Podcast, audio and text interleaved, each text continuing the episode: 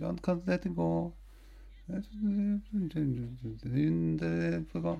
Når man blir 66, ja, da blir det trill.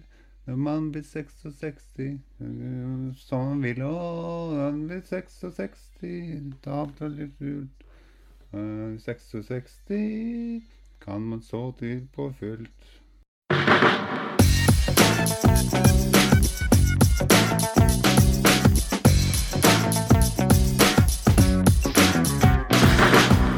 Du hører på Psykologlunsj, populærvitenskapelig lunsjprat med psykologene Tommy, Jonas og Jan Ole.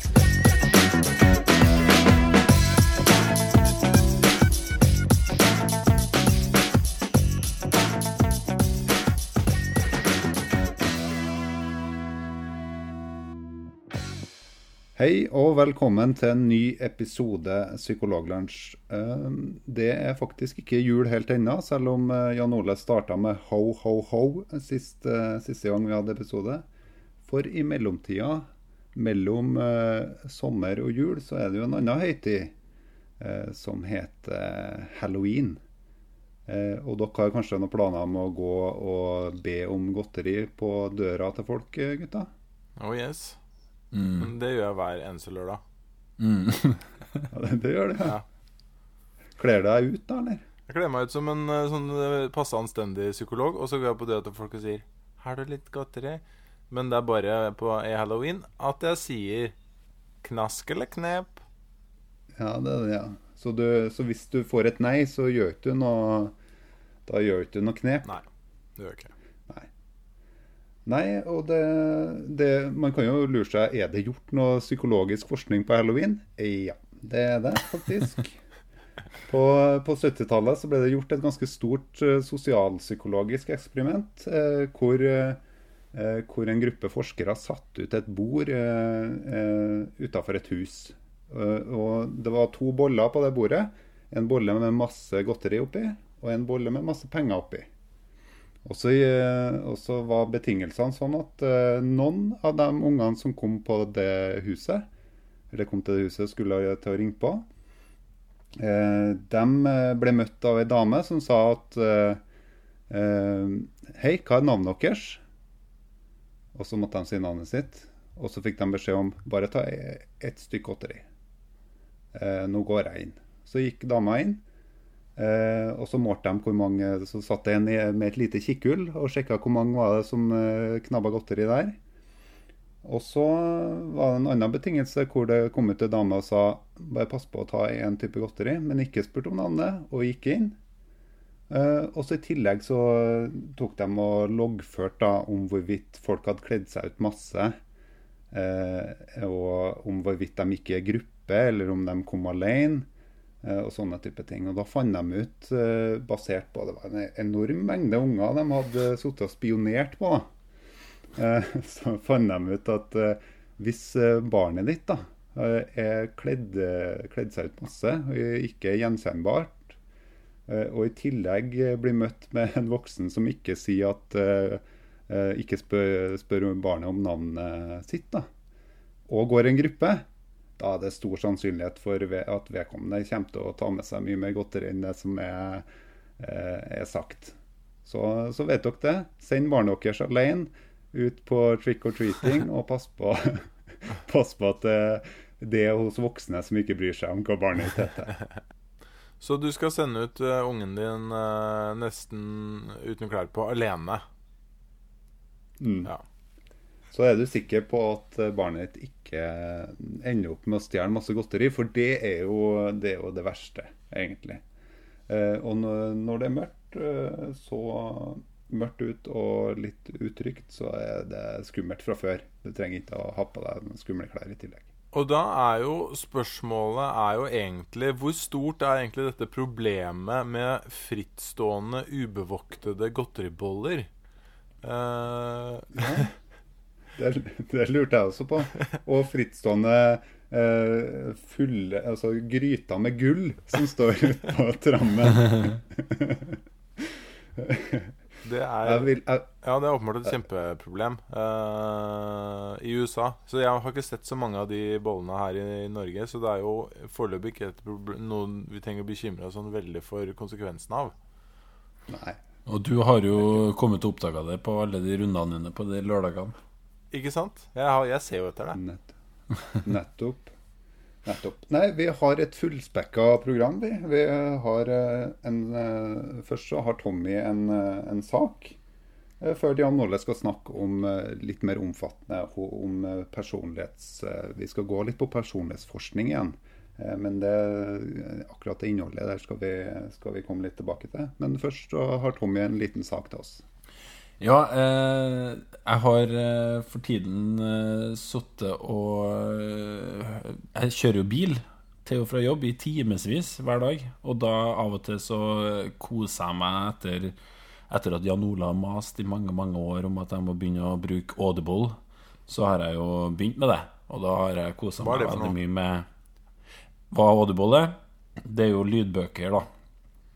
Eh, og jeg har vel egentlig hittil Lydbøker i, i CD-format. Nei, det, er, det er på en kassett? app, da. Ja, det er kassett. Det er, Det er kassett, ja. Ja, det er sånn uh, magnetbånd. Ehm, ehm, men jeg har, det jeg hører mest på, det er jo ikke skjønnlitteratur og sånt. Det er akkurat det samme nerdete materialet som jeg prøver å konsumere ellers òg, i podkastformat. Så det er jeg veldig sånn fan av great courses, da. Uh, For de lytterne som vet av det, så er det jo forelesningsrekka eh, på ulike tema av verdens beste forelesere, egentlig. Eh, tror jeg og du, Jan Ole, ble hekta på det i i hva vel i 2007, kanskje? 2006-2007? Ja, det var kanskje før det. Da het det The Teaching Company. Mm. Uh, det er forelesningsrekker da på sånn type 20-30 minutter per forelesning, og dekker alt fra kvantefysikk til uh, historie. Mm. Det var utrolig høy kvalitet, veldig bra. Så i hvert fall så har jeg jo sittet og hørt litt på en, eh, en eh, et, ei lydbok, eller en sånn forelesningsrekke nå da, på Audible. Den heter How Ideas Spread. Jeg vet ikke om dere har eh, hørt er Noen av dere som har hørt den? Nei. Det er av en professor som heter Jonah Berger, som snakker en god del om hvordan ting egentlig tar av. da Altså sånn hvordan ting blir viralt på, på YouTube, og, og ellers hvordan uh, ulike navn blir populære uh, når man skal gi navn til barn og sånn, og hvorfor uh, ja, Forskjellige sånne ting som blir på en måte veldig populært, sånn som sånne hva er det, de der gummibåndene som man hadde, har rundt eh, håndleddet og sånn. Live Strong. Ja, nettopp. Um, så det er ganske sp Det anbefales, var veldig interessant. Men så var det da i, I dag så hørte jeg en episode da som snakka om et fenomen som minte meg om grunnfagstida på psykologi. Eh, eh, jeg vet ikke om dere av og til Når dere er på Facebook og sånn og kikker, så, så ser dere noen personer når dere Facebook-stalker eller bare er innom eh, vennelista til noen, så ser dere plutselig Oi, der er det en person som jeg har veldig mange eh, felles venner med, som du ikke er venn med sjøl. Som av og til er litt sånn overraskende. Hvor da, øh, hvorfor har vi så mange felles venner, og så skjønner ikke man helt den connection der. Eh, og det det fikk meg til da å tenke litt på eh, noen av de mindre kjente eh, eksperimentene til Stanley Milgram. Som vi har snakka om Jeg tror vi har snakka om den flere ganger, egentlig, i, eh, i noen tidligere episoder. For det er jo uh, han som sto bak de her lydighetseksperimentene. Eh, Jonas kan sikkert legge ut en link til hvilken episode det var vi har snakka om det. Ja, vi kan legge ut en link til det. Ja. Eh, fordi noen av de litt mindre kjente eksperimentene han gjorde, var noe som, som han Eller som ble omtalt som Small World-eksperimentene. Eh, som ville da undersøke litt noen antakelser om at det da er sånn at mennesker er ganske tett eh, kobla til hverandre eh, over ganske store avstander. Eh, og det eh, i, I mer sånn popular, popularisert versjon så har vi jo det Six Degrees of Separation, som, eh, som er en sånn slags myte da, om at alle mennesker er knytta sammen med eh, et minu, eh, ikke mer enn seks eh, noder, eller knutepunkt mellom mennesker. Så det vil si hvilken som helst person i verden, så, kan, så er det f.eks. sånn at jeg kjenner Jan Ole, og Jan Ole kjenner en eller annen person som ikke jeg kjenner, og så kjenner den personen en annen enn igjen, og så i løpet av noen sånne knutepunkter så har man en tilknytning til alle mennesker i hele verden. Og den, eh, den eh, Den eh, populære varianten av det er jo Six Degrees of Kevin Bacon. Nettopp. Det er jo et, et av de litt mer morsomme si sånn underholdningsaspektene av det. Fordi at det er sikkert mange som kjenner til det, men for de som ikke kjenner til det, så kan du gå på en nettside som heter The Or eller Oracle of Bacon, tror jeg den heter. Oracle of Bacon. Og der kan du da skrive inn hvilken som helst uh, skuespiller, uh, og så får du da vite hva den skuespillerens uh, bacon-nummer er. Ja. Og et bacon-nummer, det er da hvor mange eh, trekk unna Kevin Bacon den skuespilleren er, med tanke på eh, hvilke filmer de har spilt i. Så, eh, så hvis at du eh, Hvis at eh, det er en skuespiller som har spilt i samme film som Kevin Bacon, så har han et, et bacon-nummer på én. Nettopp. Eh, og hvis man ikke har spilt i en film med Kevin Bacon, men man har spilt i en film med en person som har sp også spilt i film med eh, Bacon, altså at det er en begge har eh, eh, det, er en, det er en person i midten da som, som har spilt i henholdsvis en film med Kevin Bacon og den andre. Så har du et Bacon-nummer på to. Og dette spilte jeg veldig, veldig mye før. Det må jeg ærlig innrømme. Det drev jeg veldig mye med. Eh, Og det var jo, er jo noen sånne filmer som Kevin Bacon har spilt i, som har veldig mange kjente skuespillere i seg. Blant annet en film hvor Kevin Bacon spiller en uh, fangevokter, en sånn kjip fangevokter. Lurer på om den filmen heter Sneakers eller et eller annet sånt. Ja. Ikke Whispers eller Nei, eh, ja, det er en eller annen sånn film Ja. En sånn gammel en som, eh, som hvor alle de her kjente skuespillerne senere også var i, var ikke det? Ja uh, Nei, nei, uh, nei du, du tenker på den hvor han spilte med uh, Julia Roberts. Ja. Men det er ikke den jeg tenker på. Jeg tenker på en annen en Nå googler Jan Ole. Og Nå googler jeg. Sneakers, ja. Det høres ut som en eh, det, det kan jo fort være en, en eh, Sleepers. Sleepers. Sleepers, ja. Sleepers, ja, Sleepers, selvfølgelig. Jeg vet du. Eh, for i Sleepers så Nå er vi i gang, vet du. Der spiller, der spiller kjente skuespillere som Robert De Niro, som er veldig lett å knytte til mange. ikke sant? Dustin Hoffman, eh, Mm. Minnie Driver eh, og Brad Pitt. Uh, så der har du et sånt uh, punkt som det er veldig lett å, å knytte til veldig mange skuespillere. Ja, ja, um, ja Tommy, før du, før du setter i gang med om Milgram-eksperimentet ditt, så, så har jeg søkt opp uh, tre norske skuespillere. Kjente, velkjente norske skuespillere. Én, Nils Vogt, har et Baker-nummer på tre. Eh, Sven Nordin har også et bacon-nummer på tre. Åh, Eh, det er så gøy med eh, mot i brystet. Ja, og den gode gamle talkshow-verten eh, Tom Sterry har et bacon-nummer på fire. Så det, det, er ganske imponerende, altså.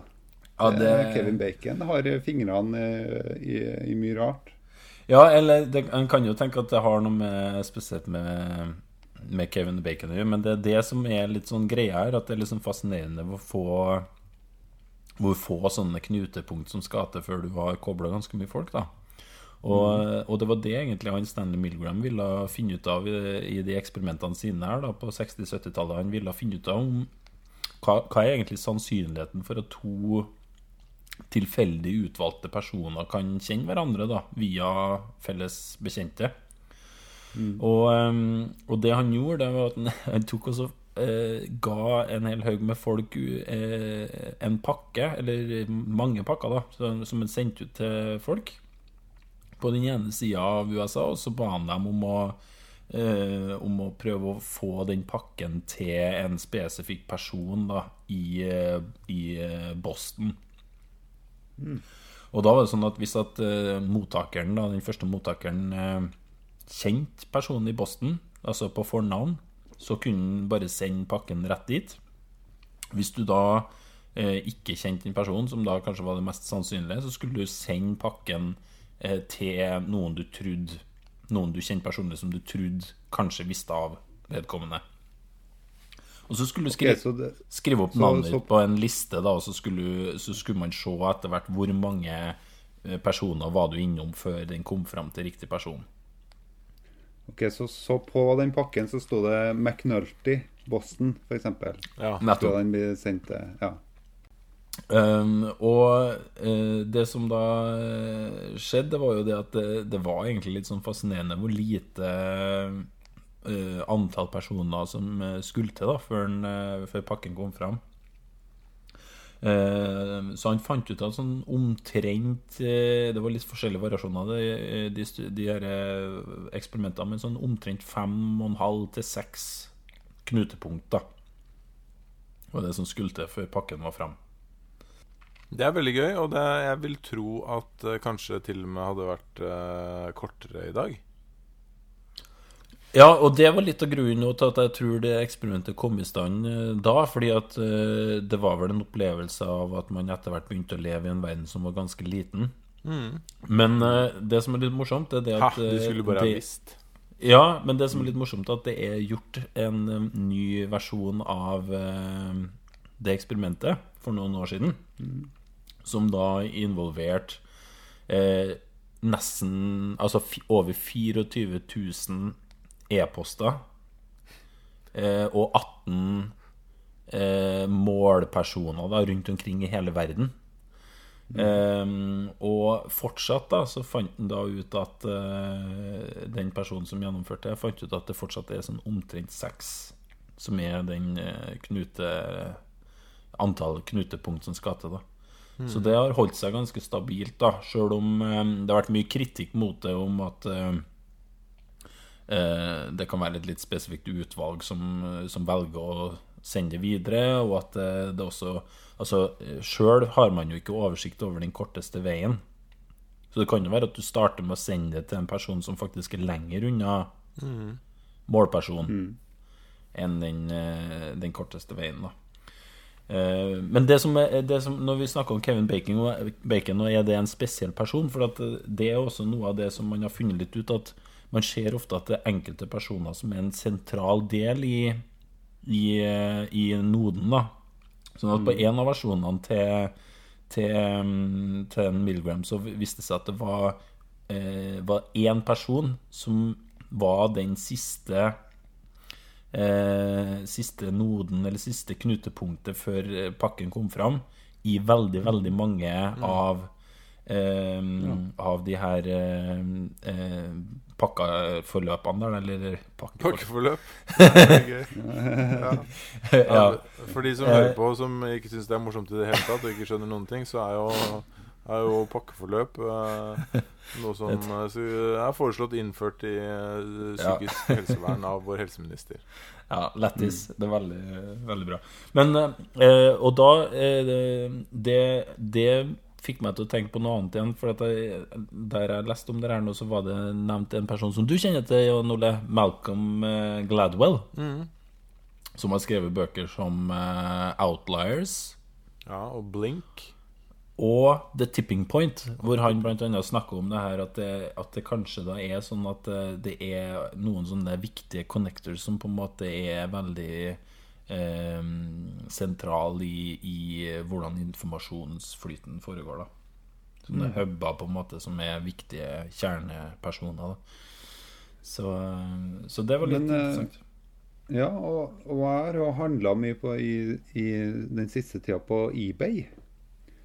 Og, og undra meg over hvorfor det, så, hvorfor det koster så utrolig lite å få sendt ting fra Kina Ja, hit. Ok. Det kan hende at man baserer på seg litt av det samme distribusjonssystemet. For det tar jo ganske lang tid Ja, for det tar lang tid, ja. Det gjør det. Ja, Ja. det gjør det. Og, det. og det kan jo være et godt alternativ til Posten og, og DHL og alle de andre bringetjenestene. Og at vi går tilbake til god gammeldags eh, send pakken Ja, ja. videre-distribusjon. Totalkostnaden blir jo større, da, men det blir jo spredd utover mange. Mm. Ja, det blir det. Men eh, det kan jo at noen kjører så du bare tar den med når noen tilfeldigvis skal på tur og, og sånn. Du kunne ha testa det eksperimentet også, kanskje. Ja. Kom pakken fram? Gjorde den det, Tommy? Ja. Det sånn at alle pakkene Det var, det var et litt late spørsmål å ta på slutten her, da, for det var en av de tingene som var litt vanskelig i det eksperimentet, at det var utrolig få pakker som kom fram. Ikke sant? Ja. Å, det var det. Mm. Ja. Så, så det var veldig ofte at det ikke kom fram, da. Og da er det jo litt problematisk å regne på gjennomsnitt for uh, hvor mange trekk som skal til for at en pakke Ja. kommer fram. Ja, og jeg tror ikke at eh, Ja, ikke sant, og jeg tror ikke at eh, det er det der antallet man skal henge seg så veldig mye opp i, eh, fordi det er nok ganske usikkert. Men det som er litt fascinerende, om man enten bruker Oracle og Bacon, eller, eh, eller ser på vennelista på Facebook, eller man kikker på noen av det der, er at det, av og til så kan det være fascinerende få eh, sånne hopp som skal til, da. Men kan det, kan det kritiske punktet i undersøkelsen være at uh, dem som, uh, det, det siste leddet som skulle levere fra seg pakken, satt fra seg pakken på et bord ved siden av en skål med godteri og en skål med, med penger? Og at eh, det kom en rekke unger eh, utkledd som eh, diverse halloween eh, diverse halloween-kostymer og kom og tok med seg den? Det er mest sannsynlig den mest plausible årsaken. Ja, det er det. Men Da har vi jo linka de to studiene, så da eh, vi, Jeg har jo lært meg sånn i eh, Nå har jeg nettopp lest den Husk bedre-boka, selvhjelpsboka som jeg kjøpte i kiosklitteraturen på flyplassen. Eh, om at hvis du linker sammen eh, minner, så husker du mye bedre. Så du må huske dere dem begge de undersøkelsene. Både halloween-undersøkelsen og eh, eh, det mer ukjente milligram-studiet. Eh, Jan Ole, du skal snakke litt om personlighetstrekk, eh, skal ikke du det? Jo, eh, det skal jeg. Jeg vet ikke, For en liten stund siden, så, eller for et par uker siden, så hadde Harald Eia en Han prydet forsiden på Morgenbladet. Var det noen som fikk med seg det? Yes. Der beskrev han at han hadde hatt en liten periode hvor han ikke har følt seg ikke helt eh, topp. Eh, rent sånn psykisk, og lurte fælt på Mm. hva det kunne være for noe. Oppsøkte en psykolog som ble varmt anbefalt av Thomas Giertsen. Eh, og så snakket han med denne psykologen og fant ut at han var litt ensom. Ja. Mm. Fant han ut. Eh, og søkte da forklaringen på denne ensomheten i en personlighetstest han hadde tatt, som heter NeoPR, som er en veldig kjent eh, personlighetstest. Eh, og som er også anerkjent eh, i fagmiljøene. Det er en solid eh, personlighetstest som koster en del penger å ta. 1800 kroner, ifølge Harald Eia. Eh, Og da eh, tok han utgangspunkt i disse fem personlighetstrekkene. Det er da, som vi har vært inne på flere ganger før, det er eh, ekstraversjon. Altså det å være litt sånn utadvendt eller innadvendt. Det er en dimensjon. Eh, åpenhet, om man er åpen for nye erfaringer eller ikke. Nevrotisisme, om man er sånn bekymringstypen eller ikke. Planmessighet, om man er et ordensmenneske eller ikke. Og til slutt medmenneskelighet, eller vennlighet, som det også kalles. Om man er en vennlig type og liker andre mennesker og har mye godt å si om andre mennesker, eller ikke. Og så har han funnet ut at han har noen sånne trekk som gjør at, eh, som kanskje kan forklare hvorfor han eh, er, føler seg som en litt sånn ensom type. Eh, nå er det ikke det jeg skal snakke om. Jeg bare tenkte at det var en fin innledning, siden det har vært litt snakk om disse personlighetstrekkene i det siste. Og, og eh, Harald Eia har vært litt opptatt av de trekkene. Når dere hører om de trekkene, og jeg sier eh, dataprogrammerer, hva mm. ser dere for dere da? Hvordan eh, hvordan ser dere for dere den typiske dataprogrammereren? Hvilke trekk har den? Den eh, Det her er jo nesten dårlig gjort, da. For her eh, kommer jo fordommene på o- over en lav sko. Men kanskje litt lavere på ekstroversjon. Altså i retning av introversjon. Ja, litt innadvendt eh, type. Mm. Høy, høy på planmessighet. Ja, ja. Eh, nevrotisisme kan være begge deler, tror jeg. Den tror ikke jeg er den som ut, har høyest Nei, utslag. Nei. Eh, åpenhet eh, Kanskje lavere på det. Ja, Men heller ikke den største, tror ikke jeg. nei. Eh, hva var det vi hadde igjen, da? Medmenneskelighet. Medmenneskelighet, ja. Eh, ja. Den er kanskje Hvis du skal kjøre for, for stereotypien helt ut, så er den kanskje litt lavere igjen. Ikke sant? Ja. Fikk jeg riktig?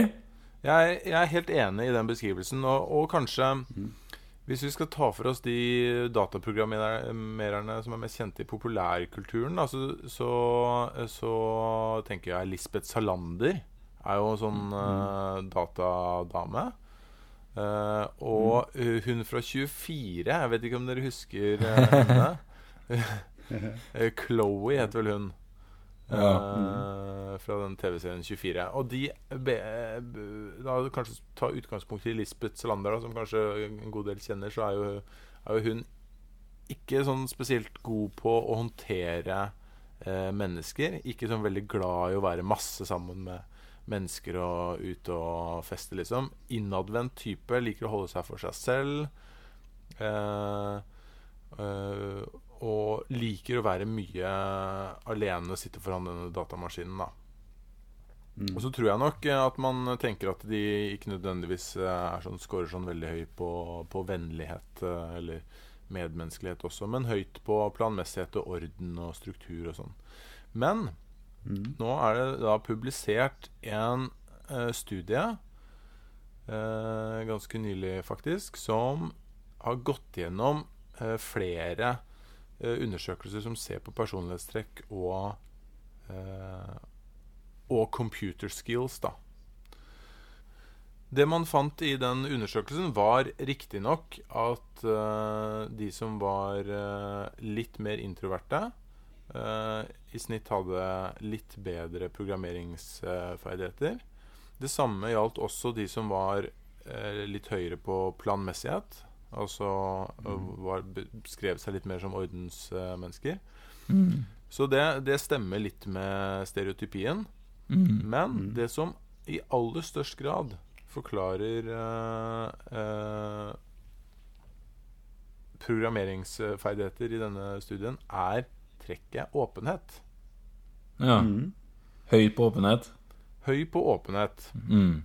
Og kan dere tenke dere nå, øh, nå har ikke jeg fasitsvaret på det, men kan dere tenke dere hva, hva som kan være grunnen til det? Jeg, jeg tenker jo at det, eh, det har sammenheng med kreative evner. og Evner til å programmere nye features da, ved, ved et program. Altså hvis man, eh, hvis man er mer tradisjonsbevisst, så ender man jo opp med å lage Windows eh, 95 hver gang. da. I stedet, for å, I stedet for å prøve seg på noe nytt som ikke skaper blåskjerm. Det, tenker jeg, det tenkte jeg også umiddelbart. Nå har jeg ikke jeg drevet veldig mye med, med programmering, men jeg holdt på med litt grann sånn eh, makroprogrammering i, eh, i Excel eh, og sånn. Og det som slår meg der, er at det, det er et vanvittig kreativt eh, arbeid, egentlig. For det du, det du får utdelt, er Du får utdelt et språk, et rammeverk, og så uh, skal du løse en oppgave. Du vet, vet hvordan målet skal se ut, hvordan sluttproduktet skal se ut. Men så starter du bare med dette rammeverket eller denne, dette språket, og så må du selv finne ut hvordan du kommer fram til eh, det du ønsker skal være sluttproduktet. Og det er det er et vanvittig kreativt eh, arbeid, egentlig. Og jeg har liksom sittet selv og kjent på den følelsen at du liksom endelig kommer på den geniale ideen, den geniale måten å komme fram til eh, dette sluttproduktet på. Eh, og det er virkelig ikke noe som, eh, som kommer av seg selv, eller som du, du, du, får, du får ikke noe ferdig oppskrift på det nødvendigvis. Eh, Så det, det kan jeg godt tenke meg spiller en, en veldig veldig stor rolle der. Og så vil jeg kanskje tro at uh, altså når du sa de personene du knytta deg til, til Lisbeth Salander og sånn, så tenkte jeg kanskje litt mer på Alan Turing og litt uh, den type personer som deg. For jeg tror det her har forandra seg en god del gjennom tida også. Jeg, tror, jeg tror personlighetstrekkene til dataprogrammerere har forandra seg gjennom tiårene. Fordi i dag så er du nødt til å tenke ut Du må ha utrolig mye i hodet eh, knytta til, til sluttbrukeren. Altså hvordan er det en sluttbruker tenker? Hvordan er det den personen som sitter med iPaden foran seg og skal greie å finne ut av hvordan du skrur den greia av eller på? Hvordan er det, hvordan, hva er det som foregår i hodet til den personen? Så det, det er nok eh, eh, Du trenger noen helt andre skills i tillegg da, til det å kunne liksom, det her kodespråket og forstå hvordan eh, de ulike komponentene fungerer med hverandre. Absolutt. Eh, En annen ting eh, som jeg også tror spiller en eh, stor eh, rolle her, er jo det faktum at eh, dette trekket åpenhet er forbundet med intelligens også. Sånn at det, det man ser når man blant de som scorer høyt på det, eh, på det trekket, har ofte også har høyere intelligens. Så det korrelerer de to tingene. Og det er ingen tvil om at intelligens korrelerer positivt med eh, programmeringsferdigheter. Mm. Så de som er kjempeflinke til å programmere, har ofte høyere IQ. Så det kan også være en grunn til at det, det henger sammen med dette trekket åpenhet. da. Og det skriver også forfatterne, forfatterne.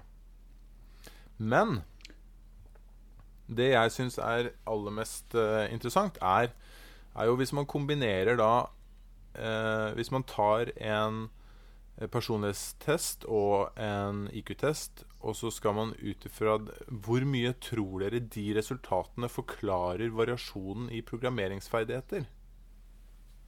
Ikke at Nå har vi på en måte fått en oppskrift. En dataprogrammerer er eh, ofte litt grann eh, høyere på Er litt mer introvert eller innadvendt. Er litt eh, mer et sånn ordensmenneske. Og i tillegg er eh, litt eh, Er en god del mer åpen enn andre mennesker. Eh, og i tillegg har litt høyere IQ. Hvis man får alle disse Hvis man får liksom match på alle disse tingene eh, ha, kan man da på en måte garantere at man sitter med en uh, dataprogrammerer foran seg? Uh, det tviler jeg på. Men uh, det var interessant å høre hva, hva resultatene sier. 30. 30% Mm. Nei, svaret er altså 12% Så det er jo veldig lavt.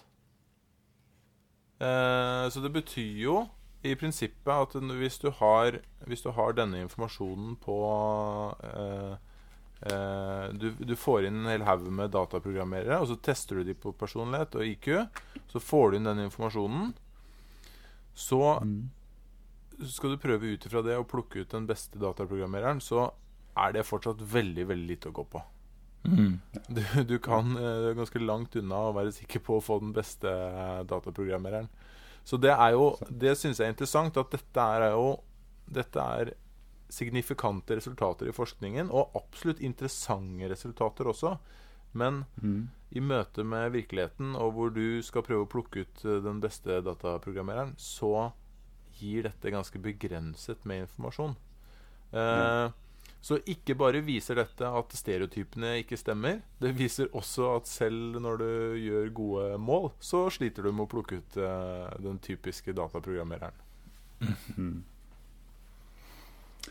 Kjedelig. Da må man gå på, eh, på eh, den porteføljen da, som vedkommende har. da. Ja, Og se på produktene laga tidligere, sikkert. det, jeg vil jo tro at det, det har en god del å si. Eh, fordi eh, en dataprogrammerer er jo, det er jo ganske målbart eh, mye av det arbeidet du gjør. Da vet vi da altså at eh, det, det hjelper ikke så veldig mye å ta en, eh, en femfaktormodell, en personlighetstest à la Neopi da, på, på programmerere for å finne ut hvem som er den beste programmereren. Man bør, bør lage seg på litt annen type informasjon også. Eh, Tommy har fortalt litt om eh, at eh, det går an å distribuere pakker via nettverk, og da kommer den ikke fram.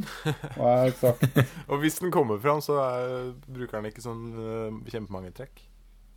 Yes, og jeg har sagt at ikke ta på dere Ta på ungene deres masse halloween-kostymer og la dem gå i grupper. Send dem ut heller på egen hånd uten et eneste kostyme, og la dem eh, eh, gå på døra til folk og be om godteri.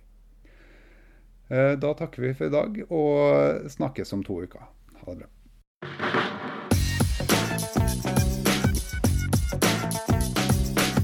Du har nå lytta til Psykologlunsj. Har du noen spørsmål, kan du søke opp Psykologlunsj på Twitter, eller du kan sende en e-post til psykologlunsj alfakrøll gmail.com.